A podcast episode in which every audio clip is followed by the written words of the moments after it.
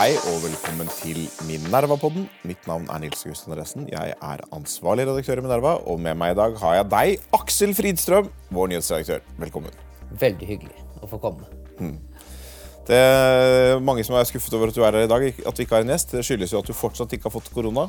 Det er, eh, det er bare å beklage det på vegne av alle sammen. Men eh, vi kommer der sikkert til Jeg slutt. jobber med, jobber med saken. Ja. Ja. Det, det ville jo være rart at du til slutt var den eneste nordmannen uten eh, korona, men det, det kan skje. Vi Kan hende at jeg også har hatt det, da, men ikke blir veldig syk. Det kan hende. Det er mulig. ja. Du, vi, I dag skal vi begynne å snakke litt mer om korona, men nå, nå føler vi at vi er litt ferdig med koronapandemien her i Norge. Eh, det, det ser ut altså, vi, får se hvordan det går, men det er, eh, det er ikke så presserende å diskutere det eh, fra dag til dag eh, akkurat nå. Det er siste sjanse for munndiaré om korona, rett og slett. Ja. Men eh, der ute i den store verden så pågår det en del litt interessante koronadebatter som jeg tenkte vi skulle snakke litt om i dag. Og i dag er det Danmark vi skal snakke om. Ja, og ikke, vel, ikke bare Danmark, men hvordan andre ser på Danmark. Hvordan andre ser Ja. på Danmark. Og det er jo interessant. Danmark har jo vært et modellsamfunn ute i den store verden. Eh, Fra- Francis Fukuyama bruker jo Danmark som eksempel på liksom, å, å bli Danmark. Det er, det, er, det er dit landet skal for å bli fredelig og rolig og, og ordentlig. Men nå har Danmark blitt utsatt for, eh, for sterk kritikk eh, blant en del epidemiologer og politikere og, og synsere. Spesielt i USA, men, men i en del eh, andre land. Vil du fortelle litt om det? eller? Ja, altså, jeg følger jo med på uh, dette sånn så vidt, men jeg syns jo det er uh, Det som jo dette handler om, er jo at uh, nå som danskene har gjenåpnet og liksom erklært pandemien mer eller mindre som over, og sier at dette omikron-varianten av viruset skaper ikke så mye alvorlig sykdom, og sånn, så er det veldig mye tilløp i særlig det amerikanske ordskiftet på å trekke frem Danmark som et sånt skremmebilde da, på hvor ille det kan bli hvis du opphever liksom alle koronarestriksjonene. Eh, Det viser deg grafer som eh, smittetall og innleggelsestall og litt forskjellig. Ja, og de, og de, og de, de går jo opp. altså Det er jo uomtvistelig at de, de går opp. Eh, men hvis man ser på f.eks. han mest kjente sånn, vel, amerikanske koronainfluenseren, han Erik Feindigel eller noe sånt, heter han vel, så han har jo hele tiden om hvor forferdelig det er i Danmark. og legger jo ut grafer som viser at liksom, nå er antallet som dør av eh, covid-19 i Danmark, da, det er liksom det er opp med flere hundre prosent, fra da nesten ingen til nå fire per million capita om, om dagen. Som jo er jo et, egentlig et helt neglisjerbart tall, men det viser jo liksom likevel en, en, en bratt utvikling. Da. Og eh, det Det er, som fall, det, er, det er ikke et helt neglisjerbart tall, men det er i hvert fall eh, vesentlig lavere enn det der i USA, som er, Ja. er interessant. Ja. Men det er forhåpentligvis forholdsvis er neglisjerbart tall. tall. Moderat tall. Eh, og uh, dette har jo nå også ledet til at uh, det danske Stereominstituttet, som publiserer data, altså tilsvarende Folkehelseinstituttet i, Norge, de har jo nå også gått ut med sånne engelskspråklige faktaark da, for å liksom forklare for verden at uh, i Danmark er det liksom ikke eh, fullstendig Armageddon, da, men livet går faktisk sin, sin vante gang, og vi, vi Og det har det koselig. Og Ja. mye av det, man viser at det er jo da masse, her kunne man trengt en faktasjekker, for det er da masse påstander som er altså Én ting er liksom å vise at kurvene går faktisk denne veien. Det er jo i noen grad riktig. Noe må, noe må nyanseres fordi Danmark melder koronadødsfall som alle som har dødd 30 dager etter en infeksjon. Og når eh, veldig veldig, veldig mange mennesker smittes, så vil jo veldig mange av dem som dør uansett, være smittet. Altså, de sier at 30% av befolkningen i Danmark er smittet siden begynnelsen av desember.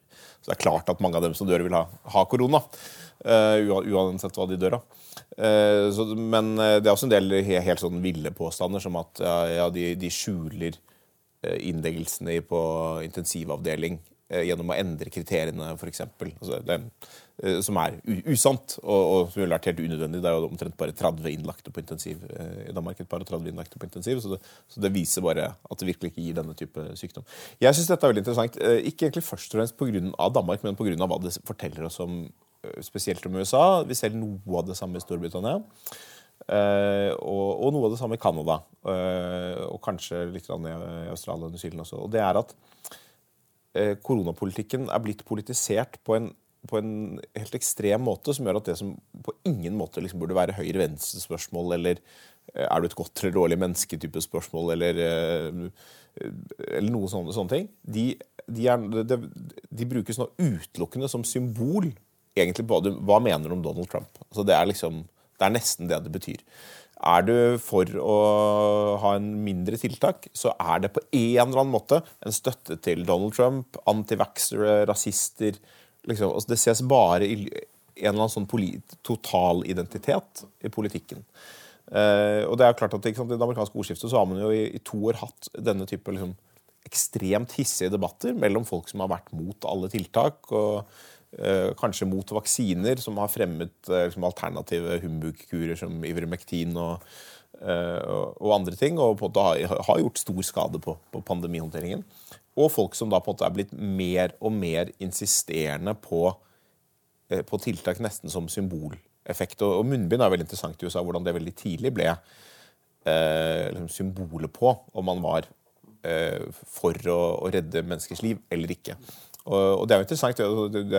Munnbind har sikkert eh, en effekt, men det er jo et tiltak som Folkehelseinstituttet i Norge hadde veldig moderat tro på eh, veldig lenge. Og, og, fordi det ikke fantes veldig god evidens for det. Og det som er helt sikkert, er at eh, munnbind er jo ikke et nødvendig tiltak for å kunne slå ned en pandemi. For vi, vi, hadde det jo ikke i Norge da vi hadde den ekstremt strenge ja, ja. stengingen opprinnelig. Og det er heller ikke et tilstrekkelig tiltak, for du kan ha munnbind og likevel nest, knapt nok se noen effekt av tiltak. Ja, og, og du ser jo bilder fra folk i Amerika som sitter alene i bilen og kjører ja. med munnbind. ikke sant? Altså, det er jo ganske, det er ganske sprøtt, ikke sant? Så det er jo åpenbart en, et markeringsbehov som kommer til uttrykk her, og ikke en smittevernfaglig uh, vurdering. Ja, ikke sant. Det er, det er akkurat det. Og det, det viser på en måte hvor, hvor galt det kan gå, da, hvor man eh, nå i USA har sånne kjempedebatter. Man har jo munnbind på barn i skolene en del steder, som jo er eh, ganske spesielt. Og, USA har jo hatt sin omikronbølge og synes jo de mange steder nå være på vei ned. Eh, så man, man, har dette likevel. Man har internalisert både selve symbolet og kanskje frykten for korona.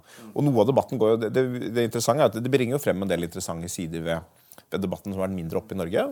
Bl.a. Den ganske store frykten for, for long covid som, eksisterer mange steder i USA, og som på en måte har, som kanskje også har overtatt litt når, man ser at det ikke gir innleggelser og, ikke så mange dødsfall.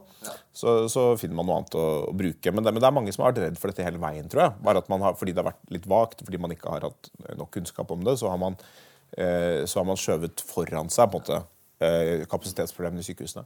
Jeg synes det er interessant F.eks. Christian Andersen, som, eh, som, er, eh, som, jo er dansk, men som, som, bor og virker i USA og er på alle måter blitt en del av den, dansk, den amerikanske politiserte debatten. Han har gått ut og kritisert Danmark veldig harde ordelag, og bl.a. har trukket frem frykten for, for long covid. som er interessant, syns jeg. først og fremst, Jeg er litt sånn agnostisk på long covid. Danmark, altså, Danmark viser jo til studier som sier at dette ikke er alvorlig for barn spesielt. da, Det, det har vært noe av det som har vært diskutert. Men det finnes jo de som får alvorlig long covid. Det finnes de som får alvorlig, alvorlig long covid, men det er noen danske undersøkelser som viser at hvis du har en god kontrollgruppe for, for barn under åtte år, så er det mye mindre av det. Ja. Det betyr ikke at det ikke fins, men, men, men, det interessante der er jo først og fremst altså, Grunnen til at vi ikke har hatt den debatten i Norge, er at vi har på en måte ikke definert den som relevant for for debatten om tiltak. Fordi Tiltakene har vært begrunnet med at helsevesenet overbelastes, og long covid kan jo skape masse problemer, men det fører ikke til at helsevesenet overbelastes. Men, og det er kanskje også uunngåelig. Ja, ikke sant? Så, så poenget er at det, poenget med å, med, med å, ha tiltak har vært å skyve bølgen ut i tid, så den ikke overbelaster helsevesenet. Det har ikke vært sett som et mulig endepunkt at, man, eh, at færre blir, slutt, eh, blir smittet liksom over et lengre tidsstrekk. Og, det, og, hvis det er smitten som fører til long covid, så er det heller ikke noen realistisk strategi som kan fjerne denne denne ulempen. Så den må vi på en måte liksom ta når den kommer. Men, og, det, og, det, interessante i denne kritikken fra USA er at det, det strategiske perspektivet er helt fraværende. Altså man, man, man, peker på frykten for long covid, men ikke på noen strategi for å gjøre det. For det som jeg synes er det interessante i, i Amerika, er hvordan denne saken liksom viser hvordan man redefinerer det politiske landskapet, hvor de som tidligere var helter, ble skurker og den type ting. Fordi at det, i Amerika er det jo veldig, det har ligget lenge, da, men det blir veldig synlig med koronapandemien at de politiske frontene handler litt om ja, de som tror på vitenskap og opplysthet på én side, og så er det liksom noen sånne hillbillies som tror mer på Gud og mindre på vitenskapen, og så er det liksom det som skal stå mot hverandre.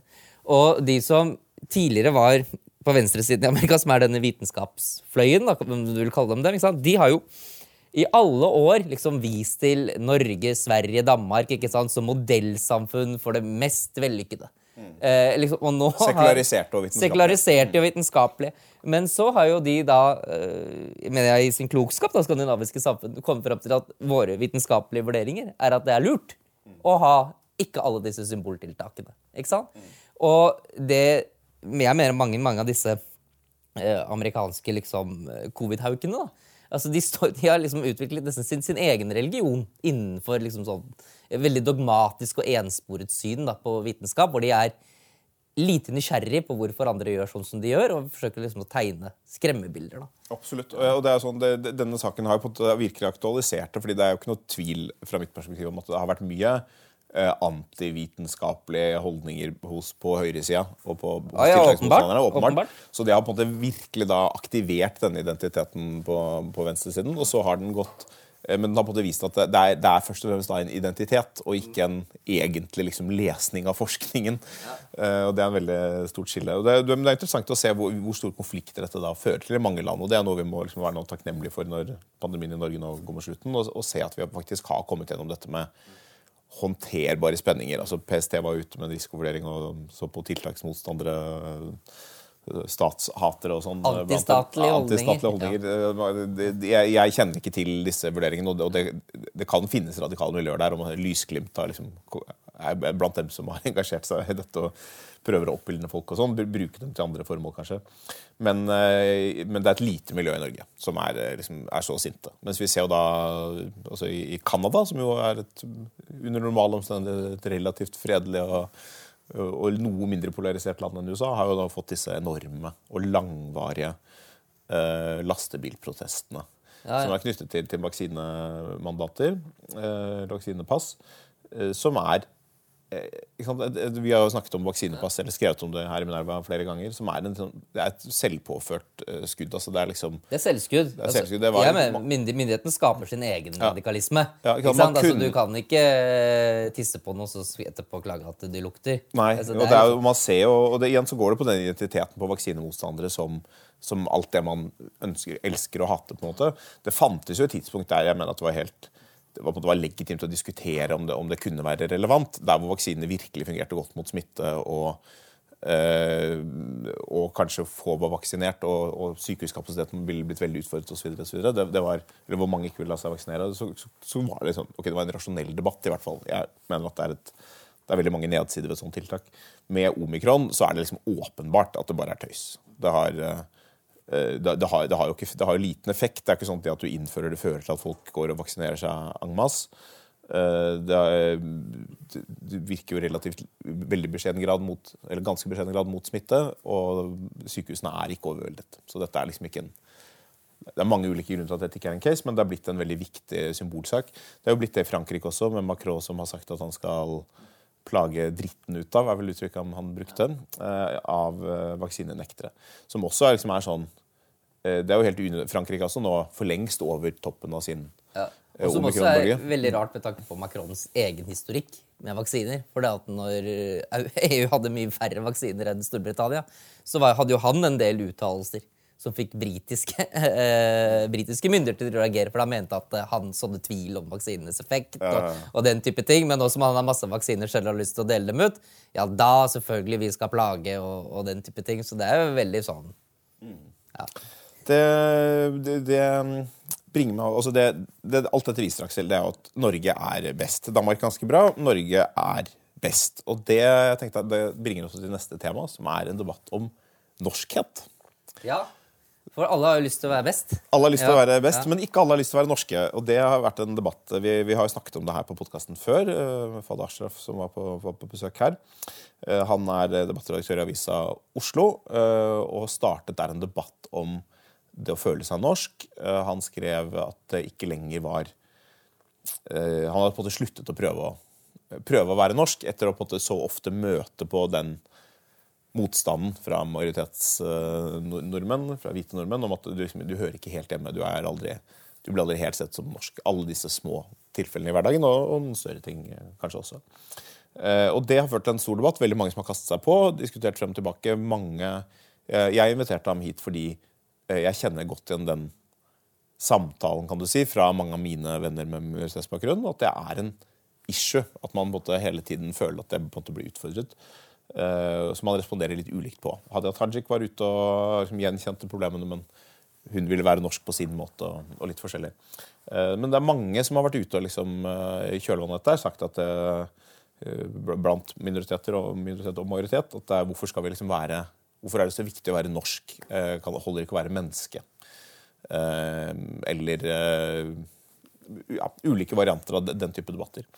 Og jeg vil gjerne høre hva, hva tenker egentlig du om dette? Er det viktig å være norsk? Det, bør vi, og, og, hva gjør vi med hva, hva, hva, sier vi til innvandrere som opplever at, de, at, det kanskje er enklere å slutte å prøve? Ja, jeg syns denne debatten er veldig vanskelig. Fordi på den ene siden sant, så har vi jo et ønske om at alle skal føre tilhørighet til, til det norske. altså Det er liksom en viktig del av å ivareta en nasjonal identitet. Uh, samtidig så Altså for at uh, Så er det veldig vanskelig å definere hva som egentlig er, er norskhet. da, ikke sant? Altså, Definisjon er jo et begrep som, som er, er, utledet av, av avgrense. Ikke sant? Så det betyr at for å kunne definere noe, så må du si at noen ikke er med. Men samtidig så ønsker man jo også å lage en eh, ganske vid definisjon som kan favne om mange. Men det er veldig vanskelig å se for seg hvordan man, man får det til, egentlig. Eh, og det er jo også eh, eh, selvfølgelig også slik at eh, storsamfunnet, som selv, selv om vi ønsker at alle skal føle seg norske, så er det ikke sånn man kan, man kan ikke instruere folk om, om, om, om, å være norske, ikke sant? Altså, eller føle seg norske. Uh, jeg tror nok kanskje at det, det, beste er nok at folk Kanskje, det, kanskje noe rundt det Hadia Tadik sier, at folk liksom sier at jeg må få lov til å være norsk på, på min egen måte. Uh, for jeg tror at hvis man veldig entydig skal definere uh, norskhet, så er det også veldig vanskelig å, å, å, for alle å, favne over det. Da. Så jeg synes, og, og, så tror jeg nok også at vi som samfunn kan ikke nødvendigvis heller liksom helt entydig stille et krav da, om at alle liksom skal føle seg norskest mulig til, til enhver tid. For det, det, er ikke, det, er, det, er ikke, det, er ikke, mulig å pålegge noen det. Altså, den, en, den, den, eneste hensiktsmessige måten Eller den, den eneste måten det har en positiv og nyttig funksjon, at folk oppfatter seg selv som norske, er at de selv har lyst til det. Altså Hvis de ikke selv har lyst til det, så er det ikke meningsfullt. Uh, så det er liksom min, mine ja, altså jeg tror jeg bare begynner med det siste. Jeg, jeg tror Det, det finnes ikke noe politikk på dette altså det finnes ikke noe politikk direkte på dette feltet. Det, det er relevant for noen andre politikkfelt. Men uh, hvis du prøver å pålegge noen å være norsk, så har du på en måte ødelagt uh, da har du ødelagt hele greia. Da har du laget en konflikt ut av det. Og, poenget, og da kommer vi tilbake til Hva er poenget med at man egentlig ønsker seg at en del at mange skal føle seg norske? Jo, det er nettopp å, å skape en samhørighet i nasjonen. Det kan høres litt gammeldags ut, men det, men det, viser på en måte hvordan det eh, en del av de, mer, de veldig liberale tankene eh, er på en måte veldig intuitive, i hvert fall for den liberale middelklassen eh, i byene, men, men, har på en måte en veldig svakhet i at den egentlig ikke ikke har noe redskap for å holde fast i nasjonen og nasjonalstaten. Noen ganger så vil det være folk som er eksplisitt kritiske til nasjonalstaten. Men, men, problemet er at nasjonalstaten er og forblir en veldig veldig viktig ramme rundt demokratiet.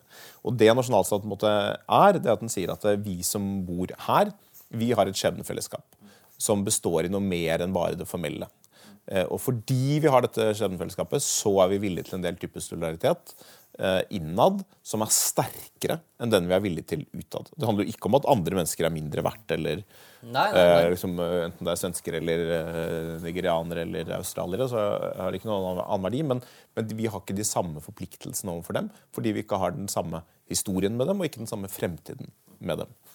Og, og, det, det, det, og det skjebnefellesskapet er jo i noen grad en konstruksjon og, og, en abstraksjon. Det er mennesker i Norge som bor veldig langt unna, unna, meg, som jeg aldri vil møte. De aller fleste vil jeg aldri møte. Og I realiteten vil det de gjør, ikke nødvendigvis spille så kjempestor rolle for meg, og, og motsatt. I hvert fall ikke noe nødvendigvis noen større rolle enn det folk i andre land gjør. Men denne opplevelsen av skjebnefellesskapet gjør at vi er i stand til å organisere samfunnet på, på ulike måter, som har vist seg å være gode, og som, er, som styrker demokratiske institusjoner, den demokratiske offentligheten, og sannsynligvis eh, evnen til f.eks. å respondere på en situasjon som korona, som, som, trenger oppslutning og solidaritet, og at folk er villige til å tone ned muligheten for en, en konflikt som kunne vært morsom, rasende demonstrasjoner osv., eh, til fordel for å si vi er i samme båt. Og, og jeg er ikke helt enig, men nå ble det sånn denne gangen, og da gjør vi det på denne måten. Eh, så det er liksom argumentet for at det er viktig at folk eh, har den sånn til, tilhørighet. Og så er det noen interessante utføringer. så det at Norge har jo eh, Norge har hatt en stor grad av sånn tilhørighet. Vi har, vi har vært en relativt homogen nasjon lenge som har hatt en ganske i og for seg ganske sterk og ganske positiv nasjonalfølelse knyttet litt til ja, uavhengighet øh, først. Da, en halvveis uavhengighet fra Danmark, og så uavhengighet fra Sverige, og så krigen. og så liksom alle, Det er alle jo de- mer nasjonalisme i Norge enn i Sverige, for ja, ikke sant? Så Alle de tingene som form, former en nasjon, har, har bidratt til at Norge har hatt ganske mye av denne, denne opplevelsen. Uh, og så har innvandringen kommet inn og måtte rokket litt med måten dette fungerer på, og kan fungere på. Eh, og det skyldes jo litt at eh, Norge har tradisjonelt forstått seg selv som en i og for seg etnisk basert nasjonalstat. En stat for, for nordmenn som etnisk gruppe. Eh, Så var det jo minoriteter her, samer osv., men, men det illustrerer på en måte poenget eller problemet i den, i den sammenhengen. fordi de ble, Det ble et problem for samene. ja, det ble et problem for samene. ikke sant? At, at nordmenn oppfattet at staten var først og fremst for dem, og at andre måtte assimileres inn eller fornorskes osv. Så, og så. Så når vi har fått en ganske stor gruppe med innvandrere, så, så må man på en måte definere dette litt på nytt. Hva, hva betyr det da å være norsk? Fordi den etniske identiteten den, den kan på en måte ikke være evig Uh, ubegrenset åpen. Uh, altså det handler om det du sa. sant, å definere Den etiske identiteten er jo åpenbart ekskluderende. Den er åpenbart ekskluderende. Det, det er- et komplisert begrep. Og, og, det er mulig å endre etnisitet i hvert fall over generasjoner, og kanskje for en enkelt person, og, litt avhengig av hvordan det er og sånn, men det er ikke en enkel prosess. Og det er ikke enkelt bare fordi mottakerne ekskluderer, men det er også vanskelig fordi eh, det er vanskelig å endre sin egen forståelse av seg selv. Ikke sant? Altså, hvis jeg nå i voksen alder reiser til Belgia, så vil jeg jo aldri slutte å tenke at jeg er norsk. Liksom. Eh, Og, sånn er det for de, for de fleste. Men mine barnebarn ville kanskje, hvis de, hvis de ikke bare giftet seg med et norsk-belgisk miljø, så ville de kanskje på sikt på sikt føle seg belgiske. Jeg, i min eh, familie har jo del av, Store deler av min familie kommer fra Danmark og Slesvig eh, spesielt. Eh, og andre deler av Tyskland sånn rundt eh, siste halvdel av 1700-tallet. Og, og det er fortsatt liksom en liten del av identiteten eh, der, fordi de giftet seg så mye med hverandre at det er en sånn ja, det liksom Ja, er, er noe der. Men, men eh, det, skulle si ok, så, så hva, gjør vi da? Du har denne gruppen som eh, eh, som ikke uten videre kan bli etnisk norske og på kort tid. Eh, og, og da har vi på en måte et problem. Jeg, tror, jeg pleier sammenligningen med USA, det som jeg snakket om på den forrige podcasten også. Det, der har du liksom begrepet American. Det er ikke et etnisk eh, eller det er ikke en etnisk begrep av den typen. Det er på en slags super, super, superetnisitet. Eh, men du har mange mindre etnisiteter under dette, og det, det som liksom var den statsbærende og på den gruppen som kunne ekskludere de andre, det var WASPs, White Anglo-Saxon Protestant. De var eh, jo ofte briter av et eller annet slag, kanskje engelskmenn. Eh, men, Tyskere også. ja, men, men også andre. Eh, som på en måte dannet en slags eh, amerikansk etnisitet for den herskende klassen, om du vil, den herskende etnisiteten. Eh, Så var det masse andre etnisiteter rundt. eh, Italian American, Jewish American. Eh, men de kunne alle sammen bli American på etter hvert ganske like vilkår. Det var mye problemer med, med både rasisme, ekskludering og hat mot katolikker og Ja, men I dag så er sånn. jo denne WASP-konseptet er jo utvidet til White American. egentlig. Det er ingen som går og snakker om Nei, WASP. over tid, over tid så er denne blitt eh, utvidet eh, en del, men den har liksom inntil relativt nylig så har den ganske store konsekvenser for ekteskapsmønstre og en god del andre ting. Men, men, men det at man har tilgang til begrepet American For det er ikke bare white American, jeg skal bare si en indisk amerikaner, kinesisk amerikaner har tilgang til å bli American på en måte som uh, gjør tilhørigheten til nasjonen til, og til staten eh, i en viss forstand enklere. Altså Det er tusen, tusen problemer i USA som man ikke skal underslå. Men i Norge så er ordet norsk som refererer til staten, og ordet norsk som refererer til etnisiteten, er det samme. Og det skaper på en viss forvirring. ikke sant? At det er eh, hvis du, ok, du kommer som innvandrer eller som barn av innvandrere fra Pakistan eller fra Somalia eller fra Marokko, og så er det på en måte vanskelig å bli WASP-norsk, eh, og så skygger det for å bli norsk i en større forstand for Ja, noen også. Og det er liksom, jeg tror det, det er, Der er det som man på en måte kan jobbe med. Når Hadia Tajik sier man må være norsk på sin egen måte, så tror jeg det, det handler også på det litt om det. At vi må, eh, vi må alle sammen, både, både majoritet og minoritet, tenke gjennom hva en sånn større norsk identitet kan være. For den kan jo heller ikke være på en måte uendelig vag. Eh, Nei. Det kan ikke være bare sånn vi er for menneskerettigheter og bla, bla, bla. Og det, og det er det, American, den identiteten American fikk jo ganske tidlig en sånn den der, det der, innvandrerlandet, smeltedigelen, eh, frontier Altså Den fikk masse sånne konnotasjoner av ulik art som, som gjorde at det ble Og så fikk den etter hvert masse historiske erfaringer. Borgerkrigen og første og andre verdenskrig og For jeg, for jeg, jeg må si at det i eh, Ofte når man liksom skal forsøke å redefinere hva som er norskhet, da, så er det jo ofte en eller annen verdi da, som skal mates inn. Og ja, Folk kommer jo gjerne med sine egne sånne verdikjepphester. eh, litt utrert, da, så er det liksom, ofte kan det nesten gjøre at ja, hvis du bare liksom er, tror sterkt nok på trepartssamarbeidet, da er du liksom norsk, da. ikke sant? Også, så for meg, da, som tenker at kanskje trepartssamarbeidet ikke er så lurt ikke sant? Det er jo plutselig jeg, også utdefinert. Så det er vanskelig også å, å lage disse eh, si, verdibaserte identiteter. da. Og i Norge, du er norsk hvis du liksom bare tror på EUs menneskerettighetserklæring, eller Den europeiske menneskerettighetskonvensjonen. ikke sant? Det gir jo ikke noe mening, for da er plutselig også alle franskmenn og spanjoler og bri, ja, briter ikke nå lenger. De kan ikke, ikke lenger norske, men de var norske inntil, inntil videre. Så det, denne måten å tenke på er jo heller ikke noe Nei, nei, altså, det, så, nei så jeg tror det, det er nettopp ikke å fokusere på, på verdier per se, men på erf, noen felles erfaringer. Så jeg tror det, det interessante i USA med den uh, smeltedigel-identiteten var jo ikke verdien innvandring, men erfaringen smeltedigel. Uh, og, men det å skape historiske erfaringer, det, det gjør man jo på en viss hele tiden. Men, men uh, det, det er ikke alltid man skaper erfaringen sånn at man får den samme erfaringen, uh, avhengig av hvor man står i samfunnet. Så liksom noe av utfordringen er at man skaper felles er, erfaringer for en ny nasjon, da, en viss eller for, for nasjonen. Og, og vi har jo noen sånne erfaringer som jeg, så jeg tror vi er med på å, gjøre, å binde oss litt sammen som land. Altså, det er dramatiske erfaringer som gjør det. Eh, 22. juli var en erfaring, og, og korona har vært en erfaring. Det gjør noe med oss som land, og vi går gjennom det i en viss forstand sammen. Og, og vi har gått gjennom det i noen grad sammen. Altså, det er jo da ikke alle land som, som har gjort det. Som har gått gjennom som et splittet folk, så skaper det heller ikke den følelsen av samhørighet. Men hvis man går gjennom disse tingene sammen, så Og det er jo det, det, er jo den, den tidligere det, norske identiteten vi har snakket om, den var jo basert på en del felles erfaringer med unionen med Danmark, Sverige, krigen. Uh, gå fra et ganske eller mer fattig samfunn til å bli verdens rikeste land. Ja, ja. eh, og så så. Det er liksom kulminasjonen av den identiteten. Eh, Men det, det å skape en sånn identitet er en stor utfordring. Men det viser jo både litt også at, det er, eh, at høy innvandring er ganske komplekst. For jeg tror at når mange minoritetsnordmenn har dette problemet, så er det altså er, det er litt fordi de europeiske nasjonalstatene har denne dobbeltbetydningen av, av det etniske ordet.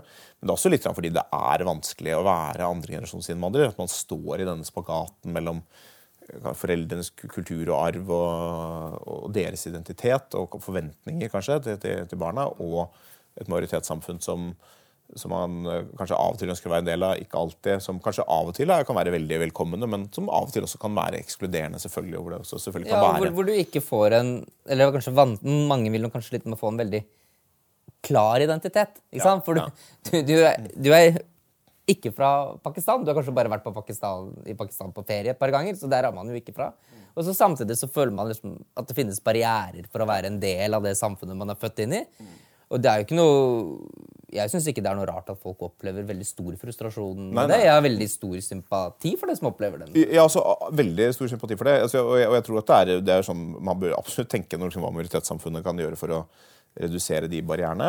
Eh, samtidig så er det nok eh, Jeg tror ikke Norge er vesentlig verre enn mange andre land. Og det, det er jo ikke en unnskyldning, men det er en, eh, si, det er en kontekstualisering av å si at dette her er noe som kommer til å være krevende. Det fins ikke noe enkle svar på det. det er litt, altså, og de fleste av de barrierene som fins, er der hvor det, ting på en måte kunne vært annerledes, er jo av en art hvor det ikke er enkle politiske svar. Du kan ikke et politi gjøre et politisk vedtak for å hindre at eh, folk stiller et litt dumt spørsmål eller, uh, eller uh, har de holdningene de har alltid. Altså, politikere kan drive holdningsarbeid, men det, er, det tar lang tid, og det, resultatet er ikke alltid gitt. Og det kan være kontraproduktivt av og til om man, om man dytter for hardt. Altså, da er den, den samme effekten. Hvis man begynner å dytte på folks identitetsfølelse, så, så kan det få, få gale konsekvenser. Så, så jeg tror på en måte det er, det er noe som alltid kan, vil være ganske krevende, og er på en, det er en type kjent omkostning i forstand med innvandring. Den er kjent nå. Kanskje ikke så godt kjent eh, før vi begynte prosessen. Men tror, det er også en grunn til at jeg tror man må være litt forsiktig med det. For hvis man sier nå må vi skape en ny, en ny fellesidentitet for Norge, som jeg jo i og for seg tar til orde for vi, vi, vi trenger det. Vi trenger en, en inkluderende eh, norskhet som som rommer eh, alle de som vil, ta del i den. Eh, men, men det er ikke uproblematisk å si det heller, for man må liksom avklare forholdet til den eksisterende norske etniske identiteten. Og hvis man hadde sagt til nordmenn eh, liksom, i 1985 eh, ok, nå skal vi føre en innvandringspolitikk som kommer til å gi noe, en del problemer med annen generasjon og tredje generasjon og minoritetsidentiteter og hva det er å si for norskhet. Så nå bør du begynne å forberede deg på at liksom, vi må endre den nasjonale identiteten litt. Sånn. Håper dere er klare for det. så tror jeg veldig mange hadde sagt det, så vi er ikke helt klare for det. Eh, så man må, man må trå varsomt eh, og forholde seg til den situasjonen som på en måte er til enhver tid. Jeg tror også liksom, det norske samfunnet det, det legger nok en del forventninger på de som flytter hit, som vi på sett og vis egentlig kanskje forstår at det ikke er helt riktig. ikke sant? Altså, for eksempel, hvis jeg eh, flytter til Kina eller til eh, Tanzania. ikke sant? Så jeg ville jo aldri begynt å tenke på meg selv som kineser eller afrikaner av den grunn. ikke sant? Mens man samtidig jo liksom i veldig stor grad liksom tar det for gitt da, at folk som kommer fra andre deler av verden og gjerne rike og flotte kulturer. Liksom, med om de liksom lander på Gardermoen, så kan de tenke Å, ja, det er så fantastisk. ikke sant? Altså, det, ja, det er helt det er jo urealistisk og, veld- veld- veldig og, rart. og arrogant. Ja, ikke sant? Ja, det er bare en, en forskjell er på en måte at de, de veldig mange nordmenn som drar ut på den måten, eh, og veldig mange vestlige som drar ut på den måten, vi, vi bruker jo ikke engang ordet innvandrere om dem. Eh, Vi bruker ord som expat. Det er et veldig interessant begrep, egentlig, hva det refererer til. Men, men det refererer jo til vestlige som bor i andre land. Noen har bodd der lenge, noen kan bo der over generasjoner, men de, egner, de regner seg på en måte ikke som folk som har slått rot da, et, et annet sted. Eh, og, og det hadde det kommet folk hit som bodde her midlertidig, så ville jo det, det kravet vært helt vanvittig, du, av de grunnene som du peker på. Og, og for første generasjon som kommer, så er det i alle tilfeller helt urealistisk. Men jeg tror utfordringen er litt at hvis folk skal være her over, eh, hvis folk blir her og slår rot og skal stifte familier her og, og bor her over lang tid, og i betydningen mange generasjoner, permanent, så, så spiller det en viss rolle hva slags identitet de har over, over tid. Mens første generasjon kan selvfølgelig ikke, eh, ikke forventes å, å liksom ikke identifisere Nei, nei, seg som nei. det de, eh, det de er vokst opp med er glad i og er stolt av. Ja, ja. Eh, Det er helt åpenbart. Og det er jo kanskje heller ikke en forventning til første generasjons men det er jo andre generasjonsinnvandrere og tredje generasjon, så denne forventningen kanskje melder seg mer. Men de er jo på sett og vis litt uforskyldte, for de er ikke de som har tatt avgjørelsen om å flytte i utgangspunktet. ikke sant? Så det er dem for dem. Dette blir veldig vanskelig. Og, og de opplever liksom, Det er vel litt det at det, den, jeg tror En forskjell fra den norske og den amerikanske debatten er at den amerikanske debatten er på en måte veldig preget av at dette har vært et slavesamfunn. Det har vært eh, rasesegregering i 100 år etter slaveriet ble opphevet. Politikken, altså Rasespørsmålet har spilt en, en så stor rolle i politikken også etter Jim Crow, altså også de siste 50 årene. Det er så viktig som, eh, liksom, som eh, understrøm i den amerikanske politikken. Og det har vært preget av mye diskusjon om politivold og alle disse store debattene. Boligsegregering, alt mulig rart. Eh, mens den norske innvandringsdebatten har på en helt annen kontekst. Altså, det, fantes jo rasisme i Norge i gamle dager, og Norge var mer slavehandel osv., men det er jo nesten ingen av innvandrerne i Norge som har noen direkte forbindelse til den historien i Norge. Eh, Innvandrere i Norge kommer i nyere tid av helt andre grunner. Fra områder som ikke har noe å gjøre med norsk kolonifortid eller slavefortid. eller noe som helst. Er- De store avstandene er Pakistan, Somalia, Marokko, Tyrkia, Iran, Irak, Afghanistan. Afghanistan har jo i og for seg er et av de landene som har en kobling til norsk aktivitet i utlandet. Men, men, men eh, derfor tenker jo Jeg tror veldig mange nordmenn tenker også da annerledes om, om innvandringen. At dette er jo folk som eh, har kommet av ulike grunner, men mange har kommet som flyktninger som Norge måte, vi, vi har lett for å tenke da, vi har vært snille og gi dem opphold. Det er en, Man kan problematisere den opplevelsen, men, men det er en forståelig opplevelse i en viss forstand. Eh, og det skaper på en måte ikke den eh, Det skaper kanskje en litt annen forventning til hva, hvilke plikter innvandrere har når de eh, kommer hit. da. Eh, men eh, det, er vanskelig å påføre folk plikter eh, av den grunn. og de, hvis du er født eh, som tredjegenerasjonsinnvandrer, et i og for seg problematisk ord som man kan komme tilbake til, men så har jo ikke du noen opplevelse av at du skal være takknemlig fordi dine besteforeldre fikk lov til å komme som arbeidsinnvandrere eller flyktninger for 50 år siden. Det gir jo liksom ingen, Nei. ingen individuell mening eh, og, i det hele tatt. Eh, men, og da begynner de å krasje mot kanskje den norske majoritetsforståelsen som kanskje ligger der av at det burde de ikke egentlig liksom være litt takknemlige. Og, så, og da skaper du noe av den frustrasjonen som jeg tror mange i tredje, andre og tredje generasjon kjenner på. Samtidig så er liksom dette med andre og tredje generasjon, når man bruker disse ordene, så er det jo Eh, så er det jo fordi det er et tydelig ekteskapsmønstre innad i en del eh, innvandrergrupper og minoritetsgrupper, hvor, eh, hvor man jo da nettopp eh, Fordi man gifter seg enten med folk som eh, selv innvandret fra fra avsendende avsenderlandet, eller fra foreldrenes hjemland, eller fra andre minoritetsnordmenn i samme situasjon, eh, så er det også mer, mer så, forblir på identiteten også mer uavklart, kanskje. At man, eh, hvis man har to pakistanske foreldre og gifter seg med en annen norsk pakistaner som har to pakistanske foreldre, så, eh, så vil det jo være Vil man jo stå lenger på en måte i den litt uavklarte, litt, kanskje litt vanskelige situasjonen. Uh, mens de som får, får det aller vanskeligst, er de som går inn uh, og, og, blir mer en del av det norske samfunnet. Og, det er litt feil litt, kalde ord å bruke, kanskje, men som gifter seg med nordmenn eller majoritetsnordmenn. Og, og, dermed står veldig i en sånn sprik hvor de må finne ut hva de skal gjøre med den identiteten som de har med seg, som de ikke helt vet hvor de skal ikke helt vet hvor skal ende opp, og hvor den skal bli av. Ja, men Blir det noen løsning, da? Nei, det blir ingen løsning på dette. Det, det er så mange spørsmål. Dette har ikke noen politisk eh, løsning. Det jeg syns er veldig positivt, egentlig, er at denne debatten har blitt, er blitt løftet av uh, Avisa Oslo, uh, og veldig mange minoritetsnordmenn som har tatt del i den. Uh, og det er en debatt som vi, vi trenger. og det er ikke så veldig farlig på kort sikt hvert at den ikke har noe, har noe klart svar, for det, det, har den ikke, tror jeg. Men det er viktig at folk får formulere og, og definere sine egne erfaringer. og så, så får man på en måte tenke gjennom tror jeg, både minoritet og majoritet hva vi kan gjøre for å å skape en tilhørighet til Norge. Avslutter det podkasten? Det gjør det. Ja. Takk for oss. Takk til lytteren òg.